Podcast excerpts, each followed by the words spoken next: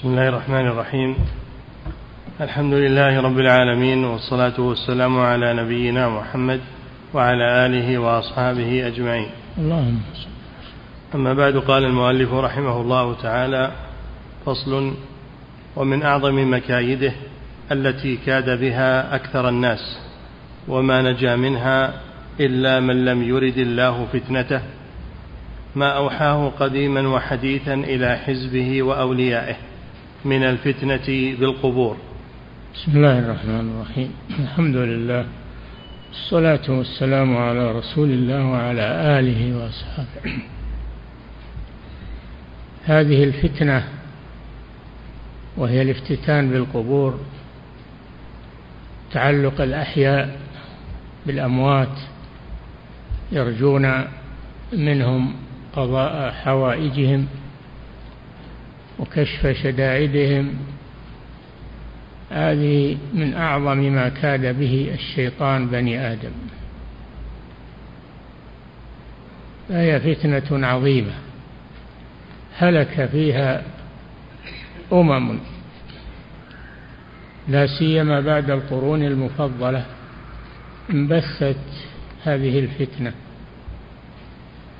في الناس إلا من رحم الله.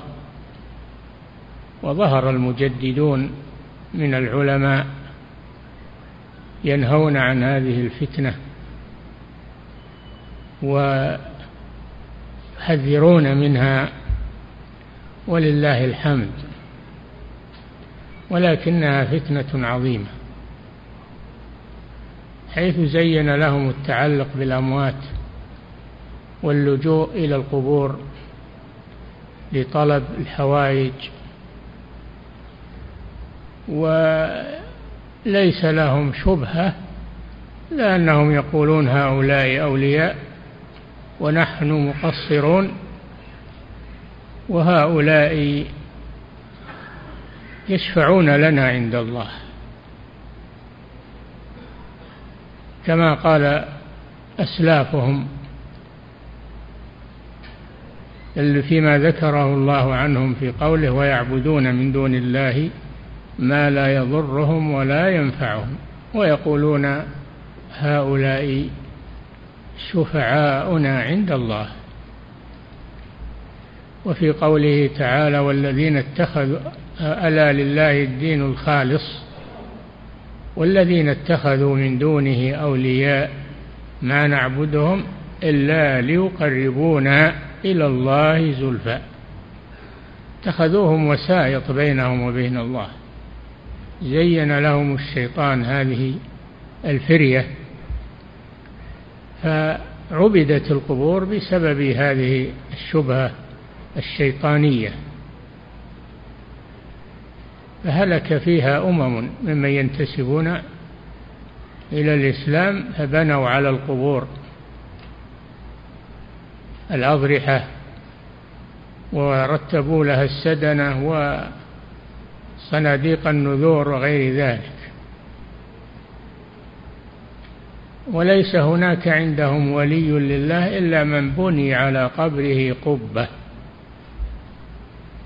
هذا هو الولي عندهم. وقد يكون كثير من أهل هذه القبور يتبرؤون منهم وقت حياتهم وينهونهم. لم يرضوا بهذا.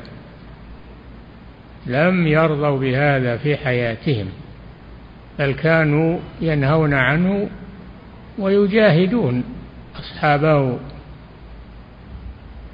ولكن الشيطان تغلب على عقول هؤلاء واستعظمت هذه الفتنة. وإذا نصحوا يقولون أنتم تبغضون الصالحين. أنتم تبغضون الصالحين. فنحن لا نبغض الصالحين بل نحب الصالحين ونقتدي بهم. ولكننا نقول إنهم ليسوا شركاء لله في العبادة. أنتم تعبدونهم من دون الله تتقربون إليهم. بالطاعات والقربات بحجة أنهم يشفعون لكم عند الله. وليس هذا هو محبة الصالحين. هذه محبة الشيطان هو الذي سول هذه الفتنة. قد قال صلى الله عليه وسلم إن من شرار الناس من تدركهم الساعة وهم أحياء والذين يبنون المشاهد على القبور هؤلاء هم شرار الناس. قال صلى الله عليه وسلم ألا وإن من كان قبلكم يبنون المساجد يتخذون القبور مساجد. ألا فلا تتخذوا القبور مساجد فإني أنهاكم عن ذلك. قال هذا قبل موته بخمس خمس ليالي أو خمس سنين الله أعلم. لكن كان يحذر من هذه الفتنة العظيمة. فبنيت المشاهد على القبور في كثير من الأمصار. إلا من استنار بنور الدعوة واستفاد من المجددين والدعاة إلى الله وإلا فهي فتنة عظيمة تعج بها كثير من بلاد المسلمين. عندهم المسجد الذي ليس فيه قبر هذا لا يلتفتون إليه. وأما المسجد الذي فيه قبر فهذا يتسابقون إليه. لأن الشيطان زين زين لهم هذه الفتنة العظيمة. تعلقوا بالأموات وتركوا التعلق بالله سبحانه وتعالى. ويقولون هؤلاء يشفعون لنا عند الله كما قال الأولون ويعبدون من دون الله ما لا يضرهم ولا ينفعهم ويقولون هؤلاء شفعاؤنا عند الله. قال تعالى ألا لله الدين الخالص. يعني الخالص من الشرك. والذين اتخذوا من دونه أولياء ما نعبدهم شوف أقروا أنهم يعبدونهم إلا ليقربونا إلى الله زلفى. اعترفوا أنهم يعبدونهم والعياذ بالله. هذا أشد الفتنة.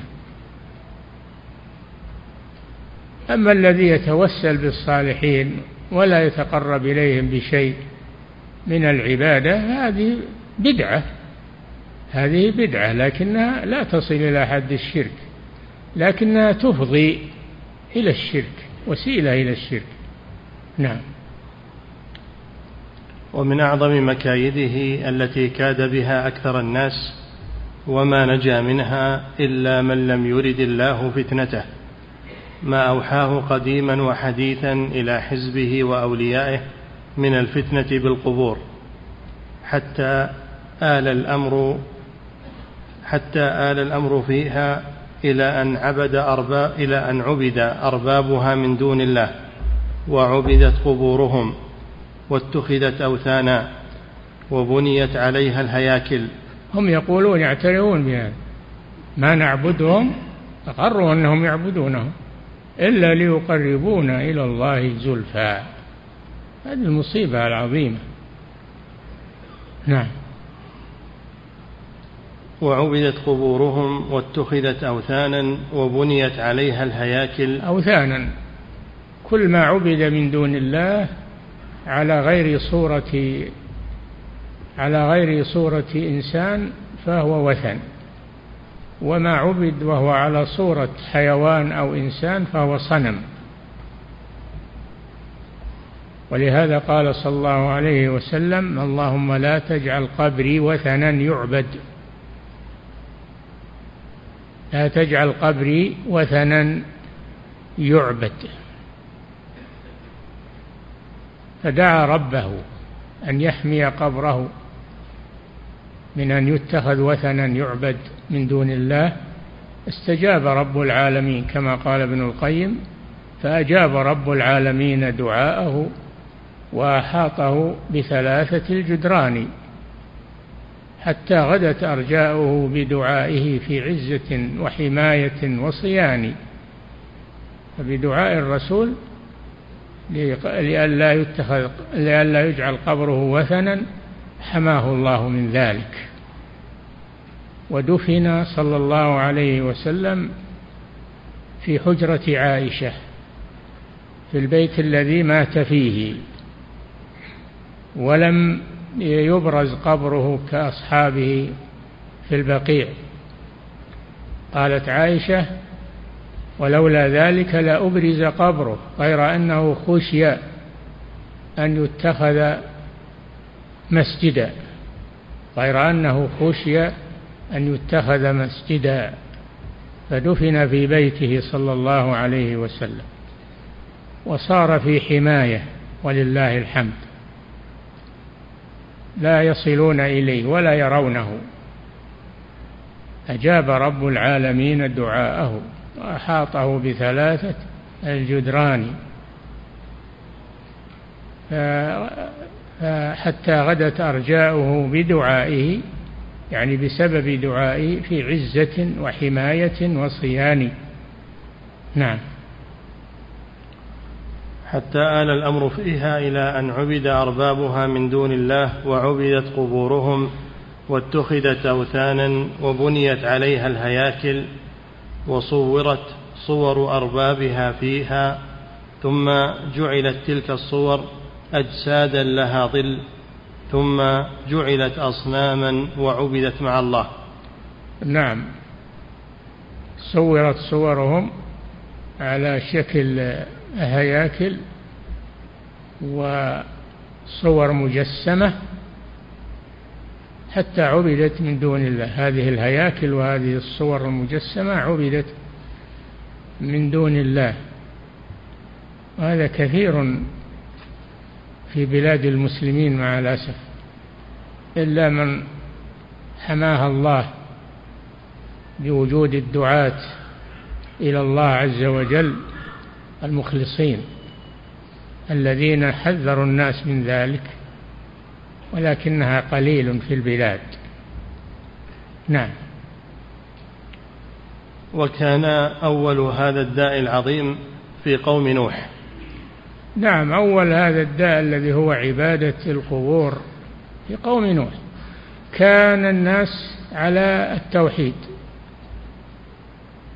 ألف سنة بعد آدم على التوحيد. كانوا على التوحيد على دين أبيهم آدم عليه السلام. فلما كان في عهد قوم نوح كان فيهم رجال صالحون. كان فيهم رجال صالحون وعلماء. فماتوا هؤلاء الصالحون في عام واحد. فحزن عليهم الناس حزنا شديدا. فجاءهم الشيطان لعنه الله وقال لهم صوروا صورهم صور الصالحين وانصبوها على مجالسهم حتى تتذكروا عبادتهم. شوف الشيطان وين يجي معه يزعم إنه يدعوهم إلى عبادة الله. حتى تتذكروا عبادتهم فتنشطوا على العبادة. ففعلوا وصوروا صورهم ونصبت على مجالسهم. ولكن الجيل الذي فيه هؤلاء لم تعبد هذه الصور لأن فيهم علماء وفيهم ناس يعرفون الحق من الباطل فلم تعبد نصبت ولم تعبد. الشيطان غرضه أن يركز الفتنة. ولو لم تثمر في وقتها ولو بعد حين. لأن الوسيلة إذا وجدت ولو بعد حين توجد نتيجتها. فرضي الشيطان أول الأمر بأن بأن تنصب الصور فقط. قال لأجل أن تتذكروا أحوالهم وتنشطوا على العبادة. جاءهم بهذا الطريق صورة ناصح. فنصبت هذه الصور ولم تعبد. فلما مات هذا الجيل الذي فيهم العلماء وفيهم الصالحون لما مات هذا الجيل جاءهم الشيطان وقال إن آباءكم ما ما نصبوا هذه الصور إلا ليعبدوها وبها كانوا يسقون المطر. ولما في الناس من الجهل صدقوا هذه الفرية فعبدت بعد ذلك. فلما وقع الشرك في الأرض هذا أول شرك وقع في الأرض بعد آدم عليه السلام. أول شرك وقع في, في الأرض في قوم نوح بسبب هذه الفتنة عبادة قبور الصالحين. فبعث الله نبيه نوحا عليه الصلاة والسلام يدعوهم إلى التوحيد وإلى الرجوع إلى دين أبيهم آدم وترك عبادة غير الله لكنهم أصروا وأبوا أن يتركوها. وقالوا لا تذرن آلهتكم ولا تذرن ودا ولا سواعا ولا يغوث ويعوق ونسرا. هذه أسماء الصالحين الذين صوروا صورهم وآل بهم الأمر إلى أن عبدوهم من دون الله. لا تذرن آلهتكم. لما دعاهم نوح إلى إفراد الله بالعبادة قال الشيطان لهم لا تذرن آلهتكم. ولا تذرن ودا ولا سواء هذه أسماء الصالحين. ولا سواعا ولا يغوث ويعوق ونسرا قد أضلوا كثيرا. ولا تزد الظالمين إلا ضلالا. دعا عليهم عليه الصلاة والسلام. لما يئس من قبولهم الهداية دعا عليه. وقال نوح الرب لا تذر على الأرض من الكافرين ديارا. إنك إن تذرهم يضلوا عبادك ولا يلدوا إلا فاجرا كفارا فاستجاب الله دعوته وأرسل عليهم الطوفان. أمطرت السماء ونبعت الأرض والتقى الماء وغطى الجبال. غطى الجبال فهلكوا بالطوفان. أخذهم الطوفان وهم ظالمون. نسأل الله العافية. هذا سبب فتنة القبور. نعم. وكان أول هذا الداء العظيم في قوم نوح كما أخبر سبحانه عنهم في كتابه حيث يقول قال نوح رب إنهم عصوني واتبعوا من لم يزده ماله وولده إلا خسارا ومكروا مكرا كبارا وقالوا لا تذرن آلهتكم ولا تذرن ودا ولا سواعا ولا يغوث ويعوق ونسرا وقد أضلوا كثيرا. قال ابن جرير وكان من خبر هؤلاء فيما بلغنا ما حدثنا به ابن حميد. قال حدثنا مهران عن سفيان عن موسى عن محمد بن قيس. أن يغوث ويعوق ونسرا كانوا قوما صالحين من بني آدم وكان لهم أتباع يقتدون بهم. فلما ماتوا قال أصحابهم الذين كانوا يقتدون بهم لو صورناهم كان أشوق لنا إلى العبادة إذا ذكرناهم فصوروهم. فلما ماتوا وجاء آخرون دب إليهم إبليس فقال إنما كانوا يعبدونهم وبهم يسقون المطر فعبدوهم. هذا غرض الشيطان. وهذا فيه التحذير من نصب الصور لا سيما صور المعظمين من العلماء والملوك وغير ذلك. لا تنصب الصور المجسمة ولا حتى الصور الفوتوغرافية ما تعلق خشية من هذه الفتنة التي كاد بها الشيطان قوم نوح. نعم.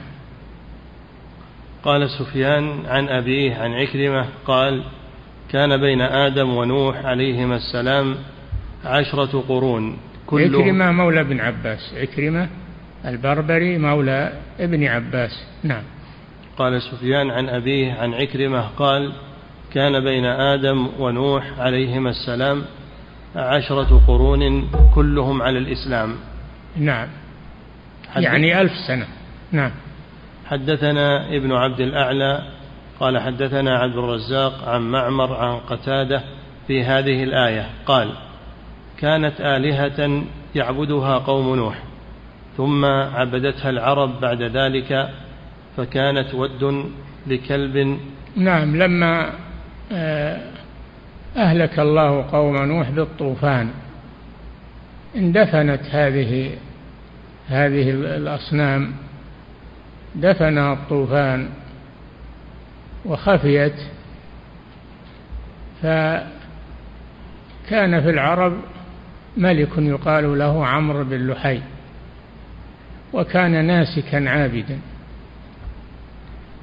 فذهب إلى الشام فوجدهم يعبدون الأصنام فساغ له ذلك واستحسنه وانفتن به ثم عاد إلى بلاده جاءه الشيطان ودله على هذه الصور المندفنة في الأرض.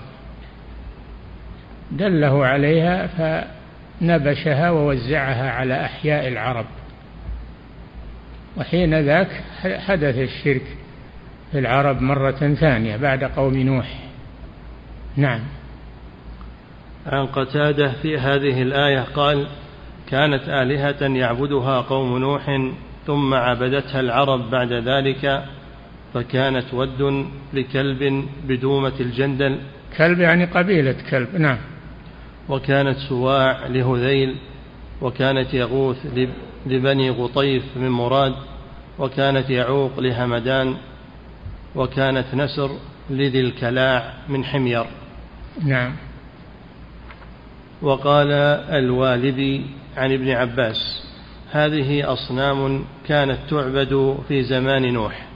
هذا في البخاري هذا الحديث عن ابن عباس في هذه الأسماء. نعم. وقال البخاري حدثنا إبراهيم ابن موسى قال حدثنا هشام عن ابن جريج قال قال عطاء عن ابن عباس رضي الله عنهما صارت الأوثان التي كانت في قوم نوح في العرب بعد أما ود فكانت لكلب بدومة الجندل وأما سواع فكانت لهذيل. دومة الجندل اللي تسمى الآن اللي تسمى الآن في شمال الجزيرة تسمى دومة الجندل بهذا الاسم شمال الجزيرة. نعم. وأما سواع فكانت لهذيل وأما يغوث فكانت لمراد ثم لبني غطيف بالجرف عند سبأ. وأما يعني لأهل اليمن. نعم. سبأ في اليمن. نعم. وأما يعوق فكانت لهمدان وأما نسر فكانت لحمير لآل ذي الكلاع. أسماء رجال صالحين من قوم نوح فلما هلكوا أوحى الشيطان إلى قومهم أن ينصبوا إلى مجالسهم التي كانوا يجلسون أنصابا وسموها بأسمائهم ففعلوا فلم تعبد. حتى إذا هلك أولئك ونسي العلم عبدت. نعم نسي العلم يعني مات العلماء. جاء ناس جهال. استغلهم الشيطان. نعم. وقال غير واحد من السلف كان هؤلاء قوما صالحين في قوم نوح عليه السلام فلما ماتوا عكفوا على قبورهم ثم صوروا تماثيلهم ثم طال عليهم العب ثم طال عليهم الأمد فعبدوهم. نعم. فهؤلاء جمعوا بين الفتنتين فتنة القبور وفتنة التماثيل. وهما هكذا يقول الشيخ محمد رحمه الله في كتاب التوحيد. فهؤلاء جمعوا فهؤلاء جمعوا بين الفتنتين فتنة القبور وفتنة التماثيل. فتنة تعظيم القبور. وهذه فتنة عظيمة وفتنة تعظيم التماثيل المنصوبة على المجالس. نعم. فهؤلاء جمعوا بين الفتنتين فتنة القبور وفتنة التماثيل وهما الفتنتان اللتان أشار إليهما رسول الله صلى الله عليه وسلم في الحديث المتفق على صحته. عن عائشة رضي الله عنها أن أم سلمة رضي الله عنها ذكرت لرسول الله صلى الله عليه وسلم كنيسة رأتها بأرض الحبشة. لأن أم سلمة ممن هاجروا إلى الحبشة. هاجروا إلى الحبشة إلى النجاشي رحمه الله. لما اشتد عليهم المشركون في مكة أذن لهم النبي صلى الله عليه وسلم الهجرة إلى الحبشة وقال إن فيها إن فيها رجلا لا يظلم أحد عنده يعني النجاشي. نعم. أن أم سلمة رضي الله عنها ذكرت لرسول الله صلى الله عليه وسلم كنيسة رأتها بأرض الحبشة يقال لها مارية فذكرت له ما رأت فيها من الصور. فقال رسول الله صلى الله عليه وسلم أولئك قوم أولئك. أولئك قوم إذا مات فيهم العبد الصالح أو الرجل أو, أو الرجل الصالح.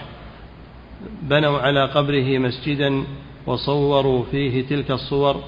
أولئك شرار, شرار الخلق عند الله. نعم كما في الحديث إن من شرار الناس من تدركهم الساعة وهم أحياء والذين يبنون المشاهد على القبور.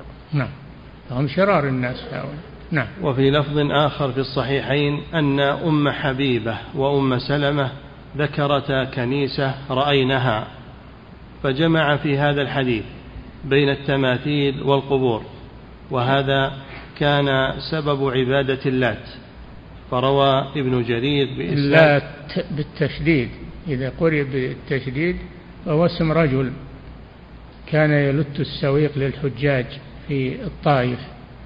فلما مات عكفوا على قبره. فرأيتم اللات والعزى نعم. وهذا وأما قراءة التخفيف رأيتم اللات. المراد بها صخرة. كانوا يعظمونها في الطائف. كان يلت عليها السويق هذا الرجل يلت عليها السويق للحجاج. نعم. وهذا كان سبب عبادة اللات فروى ابن جرير بإسناده عن سفيان عن منصور عن مجاهد أفرأيتم اللات والعزى؟ قال كان يلت لهم السويق فمات فعكفوا على قبره. نعم. وكذلك قال أبو الجوزاء عن ابن عباس كان يلت السويق للحاج. نعم. فقد رأيت أن سبب عبادة يغوث ويعوق ونسر واللات إنما كانت من تعظيم قبورهم ثم اتخذوا لها التماثيل وعبدوها كما أشار إليه النبي صلى الله عليه وسلم. نعم. قال شيخنا شيخ الإسلام محمد بن عبد الوهاب. نعم. قال شيخنا ابن تيمية. نعم. ابن تيمية. ابن القيم يعني. نعم. اي نعم ابن القيم إذا قال قال شيخنا يريد ابن تيمية نعم. قال شيخنا وهذه العلة التي لأجلها نهى الشارع عن اتخاذ المساجد على القبور هي التي أوقعت كثيرا من الأمم إما في الشرك الأكبر أو فيما دونه من الشرك. نعم فلا يتساهل في هذا. قال من حقهم علينا أننا نعظم قبورهم وأننا نبني عليها هكذا يكيد الشيطان لبني من حقهم علينا. الميت له حق عليك. الحق لله عز وجل. نعم. وهذه العلة التي لأجلها نهى الشارع عن اتخاذ المساجد على القبور هي التي أوقعت كثيرا من الأمم إما في الشرك الأكبر أو فيما دونه من الشرك. فإن النفوس قد أشركت بتماثيل القوم الصالحين وتماثيل يزعمون أنها طلاسم للكواكب ونحو ذلك. فإن, نعم. فإن الشرك بقبر الرجل الذي يعتقد صلاحه أقرب إلى النفوس من الشرك بخشبة أو حجر. نعم. والشيطان يوسوس لهم يقولون هؤلاء شفعاؤنا عند الله. هؤلاء صالحون يشفعون لنا عند الله. نعم. ولهذا تجد أهل الشرك كثيرا يتضرعون عندها ويخشعون ويخضعون ويعبدونهم بقلوبهم عبادة لا يفعلونها في بيوت الله ولا وقت السحر. هذا كلام شيخ الإسلام ابن تيمية نعم. ولهذا تجد أهل الشرك كثيرا يتضرعون عندها ويخشعون ويخضعون ويعبدونهم بقلوبهم عبادة لا يفعلونها في بيوت الله ولا وقت السحر ومنهم من يسجد لها وأكثرهم يرجون من بركة الصلاة عندها والدعاء ما لا يرجونه في المساجد. نعم.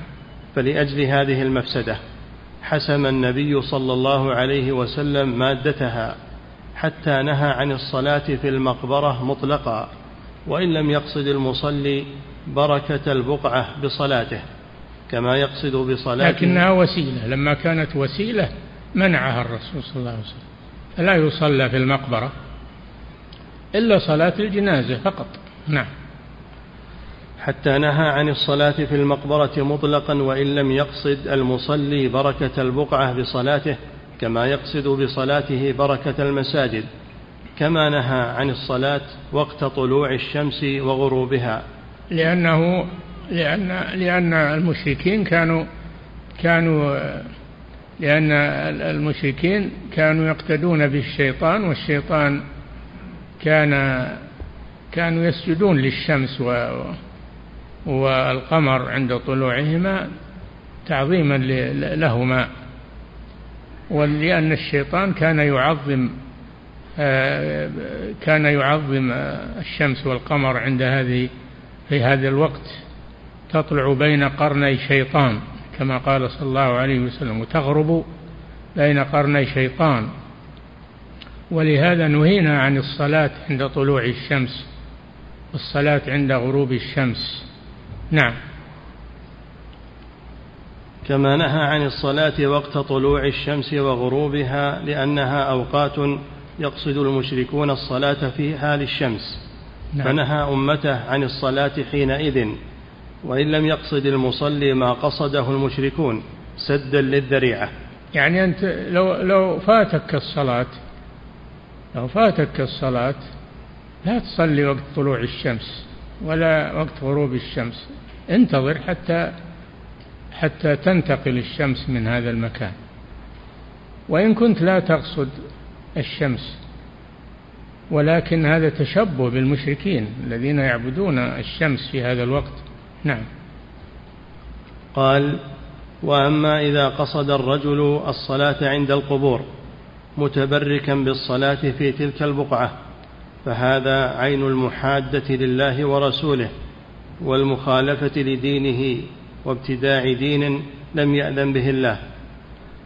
فإن المسلمين قد أجمعوا على ما على ما علموه بالاضطرار من دين رسول الله صلى الله عليه وسلم أن الصلاة عند القبور منهي عنها وأنه لعن من اتخذها مساجد فمن أعظم المحدثات وأسباب الشرك الصلاة عندها واتخاذها مساجد وبناء المساجد عليها وقد تواترت النصوص عن النبي صلى الله عليه وسلم بالنهي عن ذلك والتغليظ فيه. فقد نعم. فقد لا يزال الكلام لشيخ الإسلام ابن تيمية. نعم. فقد صرح عامة الطوائف بالنهي عن بناء المساجد عليها متابعة منهم للسنة الصحيحة الصريحة. وصرح أصحاب أحمد وغيرهم من أصحاب مالك والشافعي بتحريم ذلك. وطائفة أطلقت الكراهة والذي ينبغي أن يحمل على كراهة التحريم. نعم لأن الكراهة يراد بها التحريم. إن الله لما ذكر في سورة في سورة الإسراء لما ذكر آه، منهيات كثيرة قال كل ذلك كان سيئه عند ربك مكروها. يعني محرما. مكروها. يعني محرما. نعم. وطائفة أطلقت الكراهة والذي ينبغي أن يحمل على كراهة التحريم إحسانا للظن بالعلماء وألا يظن بهم أن يجوزوا فعل ما تواتر عن رسول الله صلى الله عليه وسلم لعن فاعله والنهي عنه. لأن الكراهة على نوعين كراهة تحريم وكراهة تنزيه والمقصود في قوله تعالى كان سيئه عند ربك مكروها كراهة التحريم. لا تجعل مع الله إلها آخر فتقعد مع مذموما مخذولا وقضى ربك ألا تعبدوا إلا إياه وبالوالدين إحسان إلى قوله كل ذلك كان سيئه عند ربك مكروها يعني محرما. كراهة التحريم هذه. نعم. ففي صحيح مسلم عن جندب بن عبد الله البجلي رضي الله عنه قال سمعت النبي صلى الله عليه وسلم قبل أن يموت بخمس وهو يقول إني أبرأ إلى الله أن يكون لي منكم خليل فإن الله قد اتخذني خليلا كما اتخذ إبراهيم خليلا. ولو كنت متخذا من أمتي خليلا لاتخذت أبا بكر خليلا. ألا وإن من كان قبلكم كانوا يتخذون قبور أنبيائهم مساجد. ألا فلا تتخذوا القبور مساجد فإني أنهاكم عن ذلك. نعم. فلا ألا إن من كان قبلكم يعني من الأمم الكافرة كانوا يتخذون القبور مساجد. ألا فلا تتخذوا القبور مساجد فإني أنهاكم عن ذلك. فأخبر أن هذا من سنة المشركين قبلنا. ثم نهى وقال ألا فلا تتخذوا القبور مساجد. ثم أكد ذلك بقوله إني أنهاكم عن ذلك. نعم. هذا قبل أن يموت بخمس يعني بخمس ليال والله أعلم وقيل بخمس سنين. نعم. وعن عائشة وعبد الله بن عباس قال لما نزل برسول الله صلى الله عليه وسلم طفق يطرح خميصة له لما نزل يعني حضره الموت. نعم. لما نزل برسول الله صلى الله عليه وسلم طفق يطرح خميصة له على وجهه فإذا اغتم كشفها. فقال وهو كذلك لعنة الله على اليهود والنصارى اتخذوا قبور أنبيائهم مساجد يحذر ما صنعوا متفق عليه. يحذر ما صنعوا ما صنع اليهود والنصارى من اتخاذ قبور الأنبياء مساجد. نعم. وفي الصحيحين أيضا عن أبي هريرة رضي الله عنه أن رسول الله صلى الله عليه وسلم قال قاتل الله اليهود اتخذوا قبور أنبيائهم مساجد. قاتل الله يعني لعن الله. نعم. وفي رواية مسلم لعن الله اليهود والنصارى. اتخذوا قبور أنبيائهم مساجد. نعم. فقد نهى عن اتخاذ القبور مساجد في آخر حياته. نعم. ثم إنه لعن وهو في السياق من فعل ذلك من أهل الكتاب ليحذر أمته أن يفعلوا ذلك. قالت عائشة رضي الله عنها قال رسول الله صلى الله عليه وسلم في مرضه الذي لم يقم منه. لعن الله اليهود والنصارى. اتخذوا قبور أنبيائهم مساجد ولولا ذلك لأبرز قبره غير أنه خشي أن يتخذ مسجدا. ولولا ذلك لولا انه أنه خشي على قبره أن أن يفعل به ما فعل بقبور الأنبياء من قبله لأبرز ودفن في البقيع مع أصحابه. لكنه خشي يقرأ خشي الرسول صلى الله عليه وسلم أو خشي يعني خشي أصحابه أن يتخذ قبره مسجدا فلذلك دفن في بيته عليه الصلاة والسلام. نعم. وقولها خشي هو بضم الخاء تعليلا لمنع إبراز قبره. نعم. وروى الإمام أحمد في مسنده بإسناد جيد عن عبد الله بن مسعود رضي الله عنه أن رسول الله صلى الله عليه وسلم قال إن من شرار الناس من تدركهم الساعة وهم أحياء والذين يتخذون القبور مساجد. لا تقوم الساعة إلا على شرار الخلق كما قال النبي صلى الله عليه وسلم. وفي هذا الحديث من شرار الناس من تدركهم الساعة وهم أحياء. هذا صنف والصنف الثاني الذين يتخذون المساجد على القبور. نعم. وعن زيد بن ثابت رضي الله عنه أن رسول الله صلى الله عليه وسلم قال لعن الله اليهود اتخذوا قبور أنبيائهم مساجد رواه الإمام أحمد. وعن ابن عباس رضي الله عنهما قال لعن الله زائرات القبور والمتخذين عليها المساجد والسرج رواه الإمام أحمد وأهل السنن. لعن الله زائرات القبور يعني النساء ولذلك يحرم على النساء أن تزور القبور. زائرات وفي رواية زوارات والمعنى واحد المرأة لا تزور القبور إنما هي للرجال خاصة. نعم. لعن الله لعن رسول الله صلى الله عليه وسلم زائرات القبور والمتخذين عليها المساجد والسرج.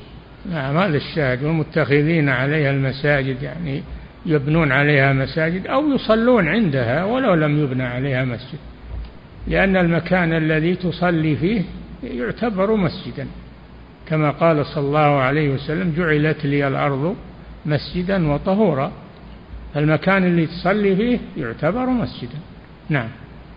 والمتخذين عليها المساجد والسرج رواه الإمام أحمد وأهل السنن. السرج, السرج يعني أنهم يضيئون القبور وهذا محرم. المقابر لا تضاء لا يجعل فيها مصابيح ولا كهرباء لأن هذا وسيلة للشرك.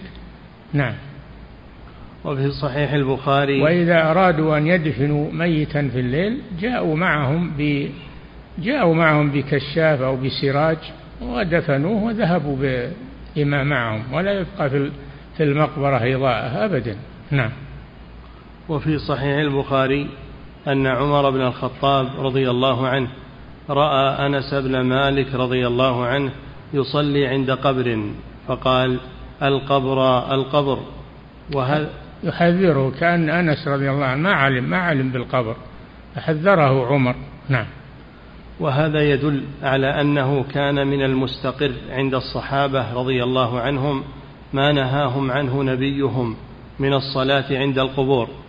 وفعل أنس لا يدل على اعتقاد جوازه فإنه لعله لم يره. لم يرى القبر نعم. فإنه لعله لم يره أو لم يعلم أنه قبر أو ذهل عنه فلما نبهه عمر تنبه. نعم. وقال أبو سعيد الخدري رضي الله عنه قال رسول الله صلى الله عليه وسلم الأرض كلها مسجد. إلا المقبرة والحمام. نعم الأرض كلها يصلى فيها كلها مسجد. خلاف الأمم السابقة فإنها لا تصلي إلا في كنائسها محل عبادتها. أما هذه الأمة فوسع الله عليه. أي رجل أدركته الصلاة فعنده طهوره ومسجده. يتيمم بالصعيد ويصلي في أي مكان. والحمد لله. نعم. الأرض كلها مسجد إلا المقبرة والحمام رواه الإمام نعم فيه سبعة مواضع لا يصلى فيها منها أعظمها المقبرة لا يصلى فيها والحمام وهو محل آه، البخار والاغتسال الذي يقصدون به الاستشفاء من من الأمراض.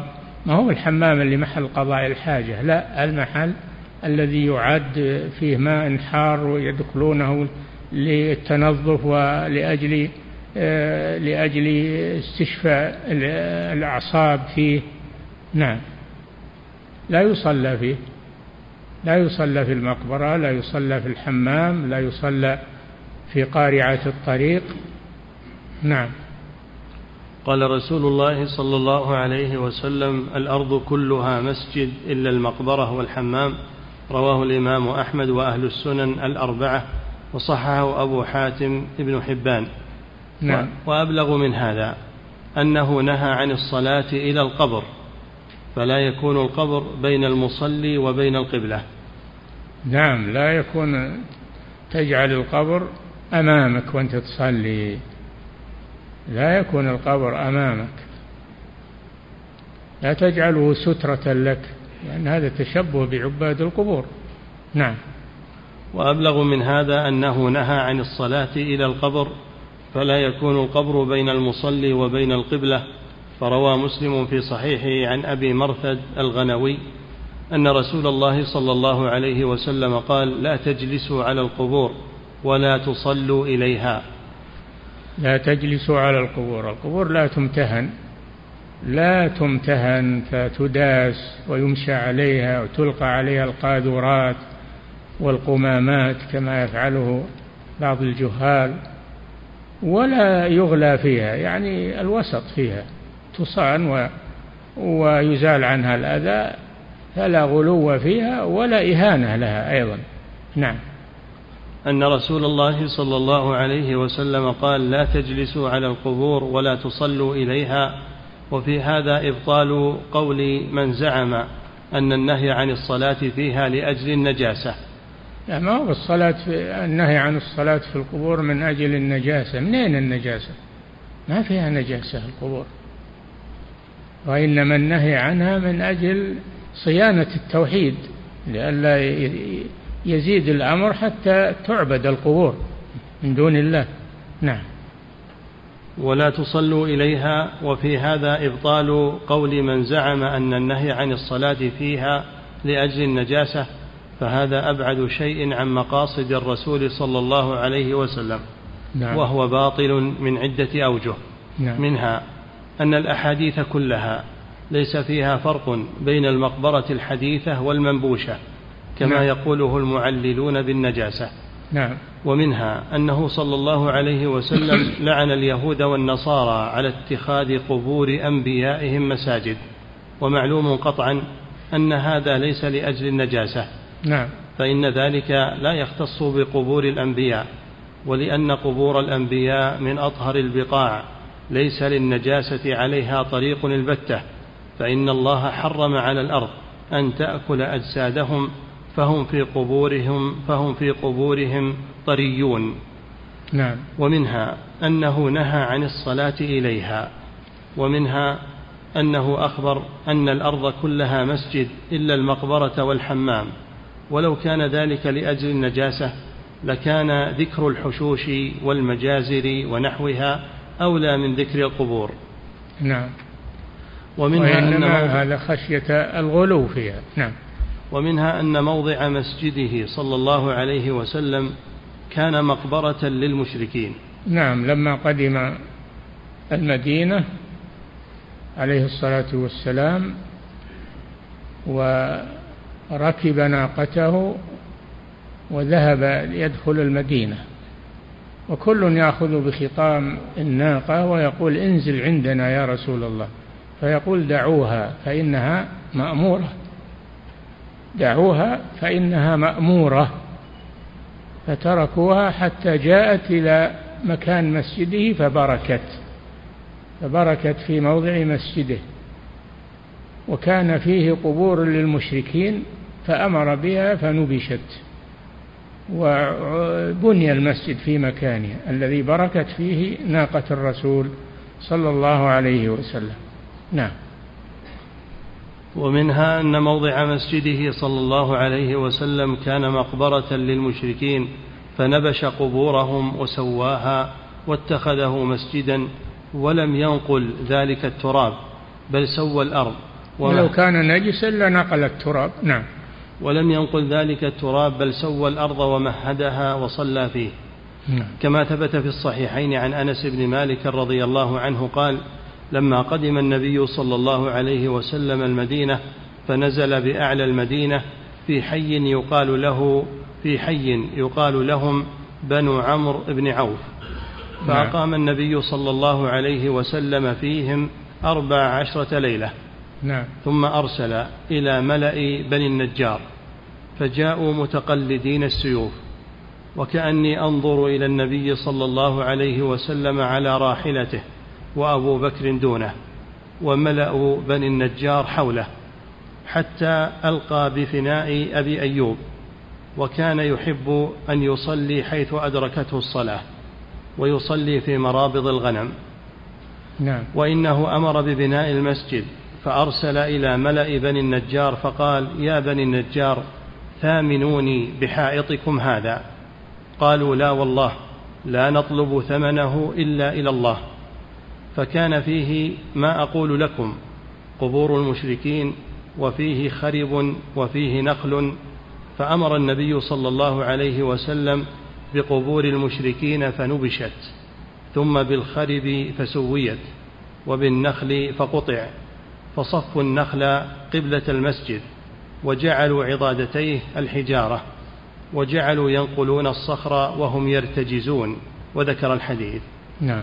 ومنها أن فتنة الشرك بالصلاة في القبور ومشابهة عباد الأوثان أعظم بكثير من مفسدة الصلاة بعد العصر والفجر نعم. فإذا نهي عن ذلك سدا لذريعة التشبه الذي لا يكاد يخطر, يخطر ببال المصلي فكيف بهذه الذريعة القريبة التي كثيرا ما تدعو صاحبها إلى الشرك نعم. التي كثيرا ما تدعو صاحبها إلى الشرك ودعاء الموتى واستيجابهم وطلب الحوائج منهم واعتقاد أن الصلاة عند قبورهم أفضل منها في المساجد وغير ذلك مما هو محادة ظاهرة لله ورسوله. فأين التعليل بنجاسة البقعة من هذه المفسدة؟ مما يدل نجاسة الشرك أشد من نجاسة آه، من نجاسة الحكمية من النجاسة الحكمية التي هي البول والعذرة هذه نجاسة حكمية تزول ب لكن نجاسة الشرك لا تزول إلا بالتوحيد. نعم. فأين التعليل بنجاسة البقعة من هذه المفسدة؟ مما يدل على أن النبي صلى الله عليه وسلم قصد منع الأمة من الفتنة بالقبور كما افتتن بها قوم نوح ومن بعدهم. نعم الجهال أو المخرفون يقولون النهي عن الصلاة عند القبور خشية النجاسة. وأما أهل الحق فيقولون لا العلة هي خشية الشرك تعظيم القبور. ما هو النجاسة القبور ما فيها نجاسة. نعم. ومنها أنه لعن المتخذين عليها المساجد ولو كان ذلك لأجل النجاسة لأمكن أن يتخذ عليها المسجد مع تطينها بطين طاهر فتزول اللعنة وهو باطل قطعا. نعم. ومنها أنه قرن في اللعنة بين متخذ المساجد عليها وموقد السرج عليها فهما في اللعنة قرينان. وفي ارتكاب الكبيرة صنوان فإن كل ما لعن عليه رسول الله صلى الله عليه وسلم فهو من الكبائر. نعم من ضوابط الكبائر ما ختم بلعنة أو غضب أو نار فهو كبيرة. نعم. فإن كل ما لعن عليه رسول الله صلى الله عليه وسلم فهو من الكبائر ومعلوم أن إيقاد السرج عليها إنما لعن فاعله لكونه وسيلة إلى تعظيمها وجعلها نصبا يوفض إليه وجعلها نصبا يوفض إليه المشركون نعم. كما هو الواقع فهكذا اتخاذ المساجد عليها ولهذا قرن بينهما فإن اتخاذ المساجد عليها تعظيم لها وتعريض للفتنة بها ولهذا حكى الله سبحانه عن المتغلبين على أمر أصحاب الكهف أنهم قالوا لنتخذن عليهم مسجدا. نعم لما وجدوا أصحاب الكهف ميتين اختلفوا ماذا يصنعون بأجسادهم. فقال الذين غلبوا على أمرهم يعني لهم سلطة الذين لهم سلطة لنتخذن عليهم مسجدا. وهذا يدل على الذم لأن لأن الذين قالوا هذا الذين غلبوا على أمرهم وهم أصحاب السلطة ما هم أصحاب الحق. نعم. ومنها أنه صلى الله عليه وسلم قال اللهم لا تجعل قبري وثنا يعبد. اشتد غضب الله على قوم اتخذوا قبور أنبيائهم مساجد. فذكره ذلك عقيب قوله اللهم لا تجعل قبري وثنا يعبد. تنبيه منه على سبب لحوق اللعن بهم وهو توسلهم بذلك إلى أن تصير أوثانا تعبد نعم. وبالجملة فمن له معرفة بالشرك وأسبابه وذرائعه وفهم عن الرسول صلى الله عليه وسلم مقاصده جزم جزما لا يحتمل النقيض أن هذه المبالغة منه أن هذه المبالغة مبالغة منه واللعن والنهي بصيغتيه صيغة لا تفعلوا وصيغة إني أنهاكم ليس لأجل النجاسة بل هو لأجل نجاسة الشرك اللاحقة بمن عصاه. نعم.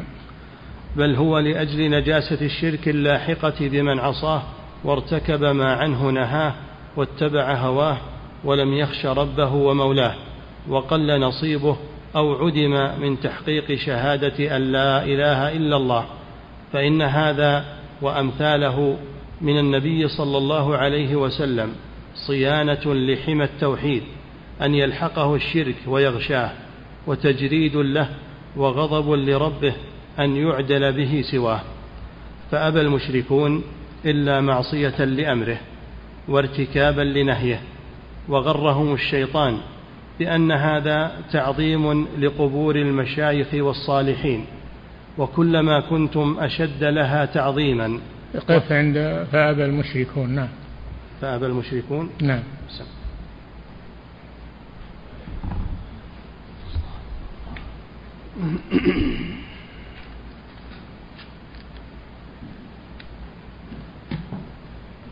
فضيلة الشيخ وفقكم الله يقول السائل قرأت في كتاب أن الطواف الممنوع على القبور على وجهين.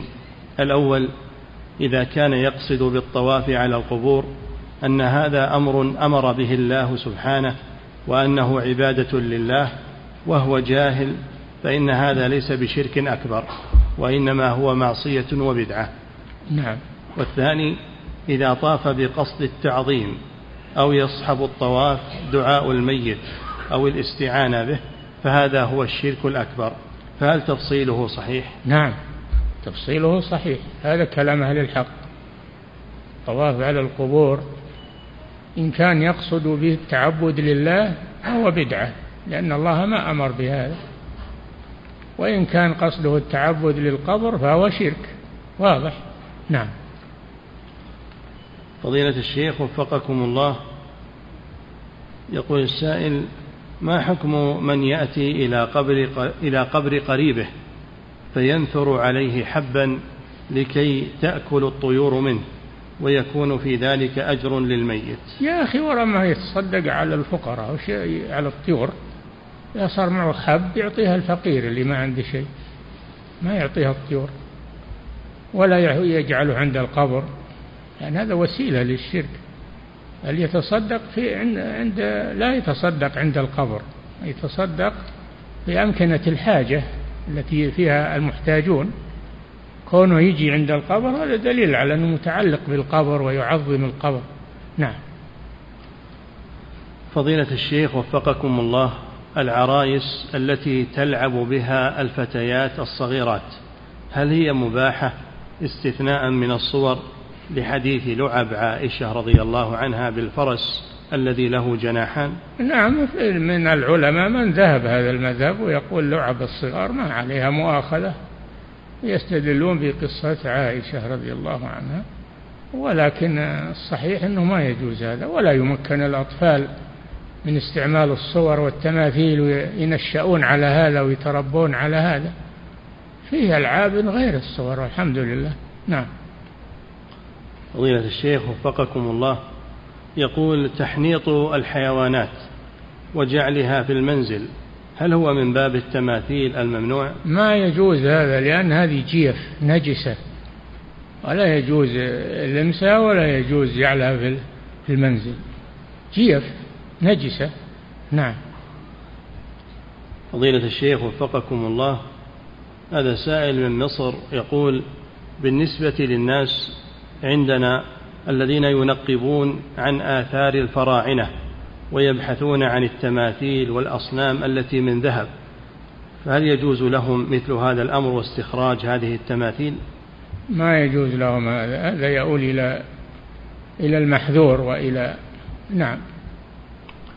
فضيلة الشيخ وفقكم الله يقول كثير من الصوفية يستدلون على جواز وجود القبر في المسجد بقبر النبي صلى الله عليه وسلم وأنه موجود في مسجده فبماذا نرد عليهم؟ نقول قبحهم الله هذا استدلال باطل. الرسول ما دفن في مسجده دفن في بيته وكان بيته خارج المسجد في الحجرات خارج المسجد.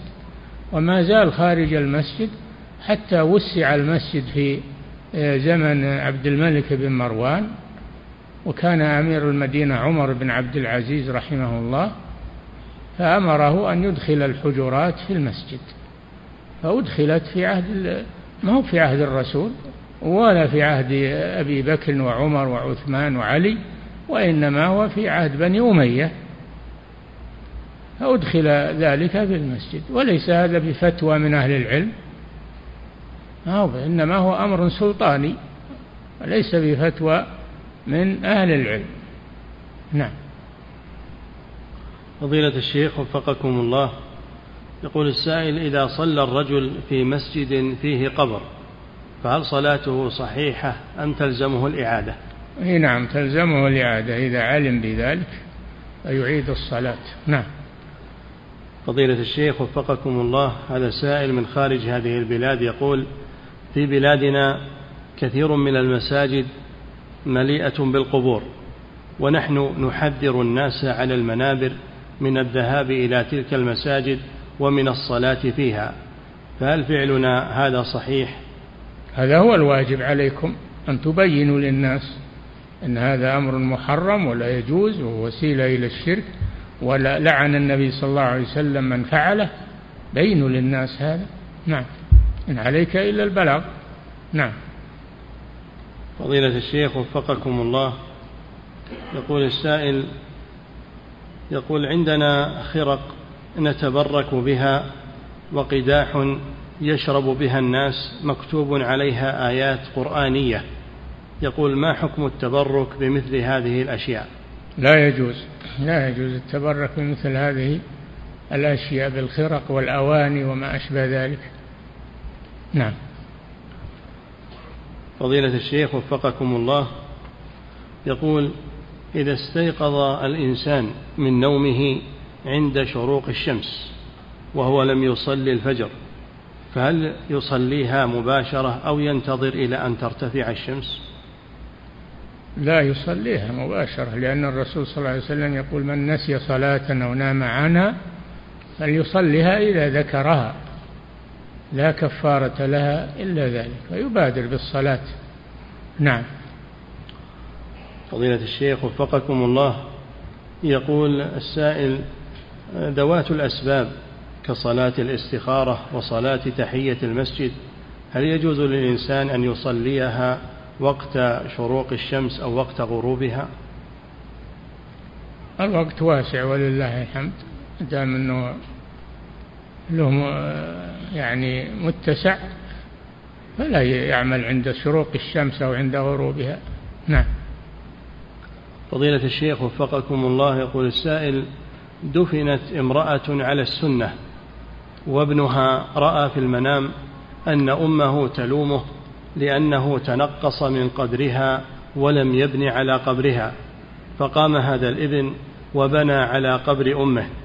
سؤاله هل هذه المنامات معتبرة أم تعتبر من الشيطان؟ هذا من الشيطان. هذا هذا من الشيطان. فلا يعتبر هذه الرؤيا ولا يعمل بها. هذه خلاف السنة. نعم. فضيلة الشيخ وفقكم الله بعض المقابر عليها سياج يرى من ورائها القبور أو ترى من ورائها القبور والنساء يمشين حول السور. ويرين تلك القبور فهل لهن أن يسلمن ويدعون للمقبورين؟ ليش يقول بعض المقابر عليها سياج. نعم. ترى من ورائها القبور والنساء يمشين حول السياج ويرين القبور فهل لهن أن يسلمن على أهل القبور ويدعون لهم؟ نعم إذا مر بالقبور سواء الرجل أو امرأة يسلم عليهم ويدعو لهم وهو عابر ماشي ما هذه زيارة؟ هذه ما هي بزيارة. وإنما هي مرور مع الطريق فيسلم على الموتى ويدعو لهم. نعم. فضيلة الشيخ وفقكم الله هذه امرأة تسأل فتقول أبي لا يوجد لديه أولاد ذكور وقد توفاه الله وأريد أن أدعو له عند قبره أو عند سور المقبرة فهل يجوز لي هذا العمل؟ لا. تدعين له في أي مكان في بيتك في المسجد في أي مكان. ولا تذهبين إلى المقبرة ولا عند قبره. آه. نعم.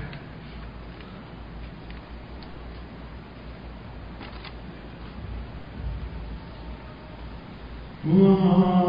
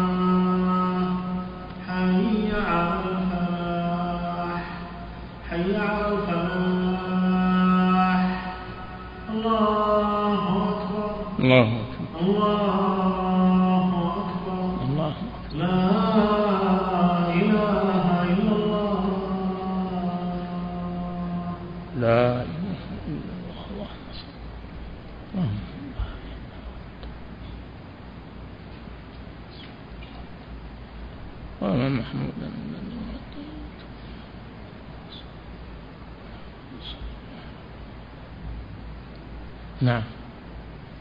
فضيلة الشيخ وفقكم الله النهي عن الصلاة في معاطن الإبل هل هو خاص بما إذا كانت موجودة في هذه المعاطن حال الصلاة؟ ما هو خاص لا. إذا صارت موجودة ما تقدر تصلي تصلي وهي موجودة لكن النهي عام. موجودة أو ما هي موجودة؟ نعم. فضيلة الشيخ وفقكم الله. يقول السائل هل تجوز صلاة الجنازة عند القبر بعد دفن الميت؟ هل؟ هل تجوز صلاة الجنازة عند القبر بعد دفن الميت؟ اي نعم يجوز الصلاة على قبره. إذا فاتت الصلاة عليه قبل الدفن تصلي عليه في قبره. النبي صلى الله عليه وسلم لما ماتت المرأة التي تقوم المسجد ماتت في الليل ولم ينبه رسول الله صلى الله عليه وسلم للصلاة عليها سأل عنها وذهب وصلى على قبرها. دل على أن من فاتته الصلاة على الجنازة يصلي على القبر لا بأس. نعم. فضيلة الشيخ وفقكم الله يقول السائل يقول عندنا بعض الصوفية يقولون إن الأموات المقبورين يسمعون النداء ويستدلون بهذا على جواز دعائهم والتوسل بهم. يقول فكيف؟ لكن الله يقول إن تدعوهم لا يسمعوا دعاءكم. ولو سمعوا ما استجابوا لكم. وهؤلاء يقولون يسمعون. أيهم صدق الله أو مصدق هؤلاء الخرافيين؟ نعم. فضيلة الشيخ وفقكم الله. يقول السائل إذا حضر المسلم بعد انتهاء الناس من صلاة الاستسقاء ها؟ إذا حضر المسلم بعد انتهاء الناس من صلاة الاستسقاء فهل يشرع له أن يقضيها؟ نعم. يقضيها. على صفتها بتكبيراتها الزوايد و نعم على صفتها. نعم. فضيلة الشيخ وفقكم الله يقول السائل ذكر بعض أهل العلم أن أهل البلد إذا مطروا قبل موعد صلاة الاستسقاء فإنهم لا يخرجون للصلاة وإنما يشكرون الله في مكانهم. يقول إذا سقي أهل مدينة هنا يقول؟ يقول ذكر بعض أهل العلم أن أهل البلد إذا مطروا قبل موعد صلاة الاستسقاء فإنهم لا يخرجون للصلاة وإنما يشكرون الله في مكانهم ولا يخرجون. يقول إذا سقي أهل مدينة هنا وكان قد دعا ولي الأمر إلى أن يخرج الجميع فهل يقال بأنهم لا يخرجون؟ يصلون ويدعون للذين لم ينزل عليهم مطر من إخوانهم اللي ما نزل عليهم المطر. نعم. فضيلة الشيخ وفقكم الله من اغتاب إنسانا فكيف يتحلل من ذلك؟ وهل لا بد من الذهاب له وطلب المسامحة منه؟ إن أمكن أنه يطلب المسامحة منه هذا واجب وإن لم يمكن فإنه يثني عليه ويدعو له ويكفي هذا. نعم. فضيلة الشيخ وفقكم الله هل يجوز للمرأة المسلمة أن تسافر من بلاد الكفر إلى بلاد الإسلام لأجل الهجرة؟ نعم يقولون الهجرة تسافر المرأة ولو بدون محرم هذا يستثنى. يستثنى أنها تسافر بدون محرم إذا كانت مهاجرة. نعم. فضيلة الشيخ وفقكم الله يقول السائل هل يجوز لجماعة يدرسون في مركز بجانبه مسجد. هل يجوز لهم ألا يصلوا مع الجماعة الأولى؟ بل يؤخروا الصلاة ثم يصلوها بعد انتهاء دروسهم في المركز جماعة لا إذا أقيمت الصلاة يصلون مع المسلمين ويعودون إلى درسهم بعد الصلاة. نعم. فضيلة الشيخ وفقكم الله هذا سائل من روسيا يقول عندنا في روسيا لا يلبسون ما, يتم ما يسمى بالثوب السعودي أو القميص العربي. فما حكم أن يقوم شاب مسلم بلبسه هناك؟ وهل يعد من لباس الشهرة؟ المطلوب أنه يستر عورته ويلبس مثل ما يلبس أهل البلد. إلا إذا كان اللباس محرما فلا يلبسه. أما إذا كان مباحا ويلبسه أهل البلد يلبسه ولا يختص بثياب حتى يكون هذا من الشهرة بينهم. نعم.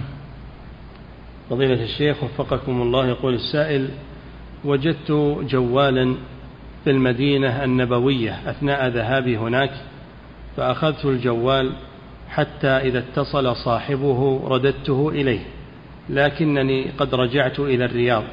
ولم يتصل بعد والجوال معي فماذا أصنع به؟ والله أنت مخطئ يوم تأخذ الجوال.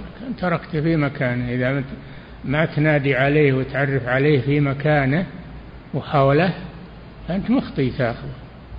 رجعه إلى المكان الذي أو أرسله إلى المكان الذي أخذته منه. نعم.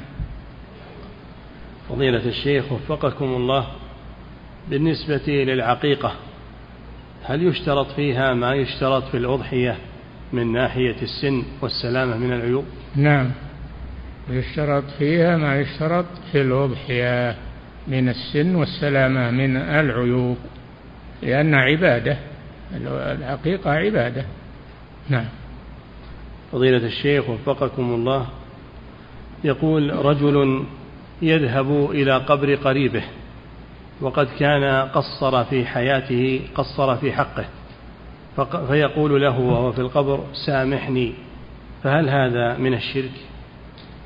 هذا طلب حاجة من الميت ولا يجوز طلب الحوائج من الأموات.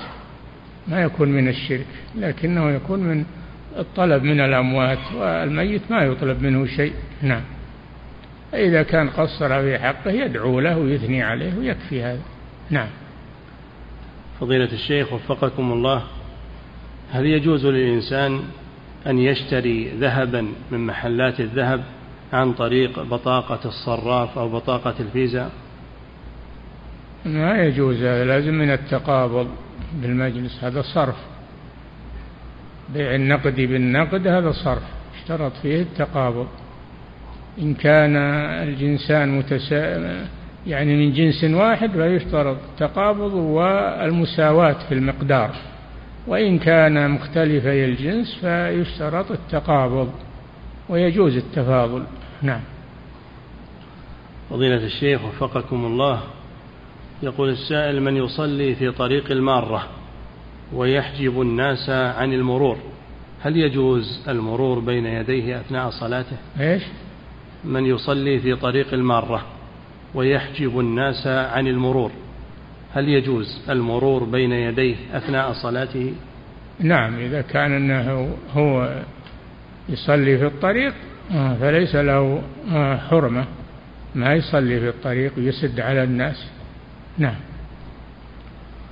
فضيلة الشيخ وفقكم الله يقول السائل توفي أخي رحمه الله وله اثنان من الولد. وقسم مرتبه الشهري تقاعده قسم بين ولديه وزوجته؟ يقول توفي أخي رحمه الله وله اثنان من الولد. فقسم مرتبه الشهري راتب التقاعد قسم بين أولاده وزوجته. سؤاله هل يجوز لي أنا أيها العم أن أدخر ما يغلب على ظني أنه يزود أو يزيد عن حاجة الولدين دون رضا والدتهم وهي الوصية الشرعية عليهم. التقاعد هذا له نظام يمشى على النظام ليس هذا ميراث ليس هذا من الميراث وإنما هو أن التقاعد له نظام يصرف موجب النظام نعم ويعطى من عينه النظام نعم. فضيلة الشيخ وإذا كان المع... ال... ال... ال... إذا كان المخصص له المال قاصرا فوليه يقوم مقامه ويحفظه له. نعم. فضيلة الشيخ وفقكم الله يقول إذا صلى الإنسان بقميص عليه صليب فهل صلاته صحيحة؟ صحيحة مع الإثم يأثم على لبس الصليب وصلاته صحيحة. نعم. فضيلة الشيخ وفقكم الله يقول السائل كنت أدعو بهذا الدعاء وهو يا من أمره بين الكاف والنون. فأنكر علي شخص وقال بل أمره بعد الكاف والنون. فهل ما أنكره صحيح؟ لا ما هو صحيح. أمره بين الكاف والنون وهو كن قوله جل وعلا كن. إنما أمره إذا أراد شيئا أن يقول له كن فيكون. نعم هذا الإنكار في غير محله. نعم. فضيلة الشيخ وفقكم الله يقول السائل هل يشرع في دعاء القنوت في صلاة الوتر هل يشرع أن أدعو بالغيث والاستسقاء؟ نعم لا بأس. تدعو بكل ما تحتاجه ويحتاجه المسلمون. نعم. فضيلة الشيخ وفقكم الله يقول في الاستسقاء هل يشرع أن يقلب الإنسان شماغه عند إرادته للدعاء كالرداء؟ نعم. يعمل بالسنة ولو بشماغه. نعم. فضيلة الشيخ وفقكم الله يقول السائل هل للوزراء ومدراء الدوائر الحكومية هل لهم ما لولاة الأمر من الحقوق فلا يجوز أن يتكلم الإنسان فيهم ولا يعصي أمرهم إذا كان ليس في معصية الله؟ لا ما يجوز له هذا. هو إذا كان أنه تحت مدير وتحت فهذا المدير له سلطة عليه في حدود العمل الذي هو فيه يأمره وينهى يمتثل هذا. نعم. فضيلة الشيخ وفقكم الله. يقول السائل أبي يقول أبي وفقه الله يكثر السب واللعن وقد ناصحته كثيرا في ذلك لكن ما زال مصرا على هذا الأمر. فما هو العلاج الشرعي؟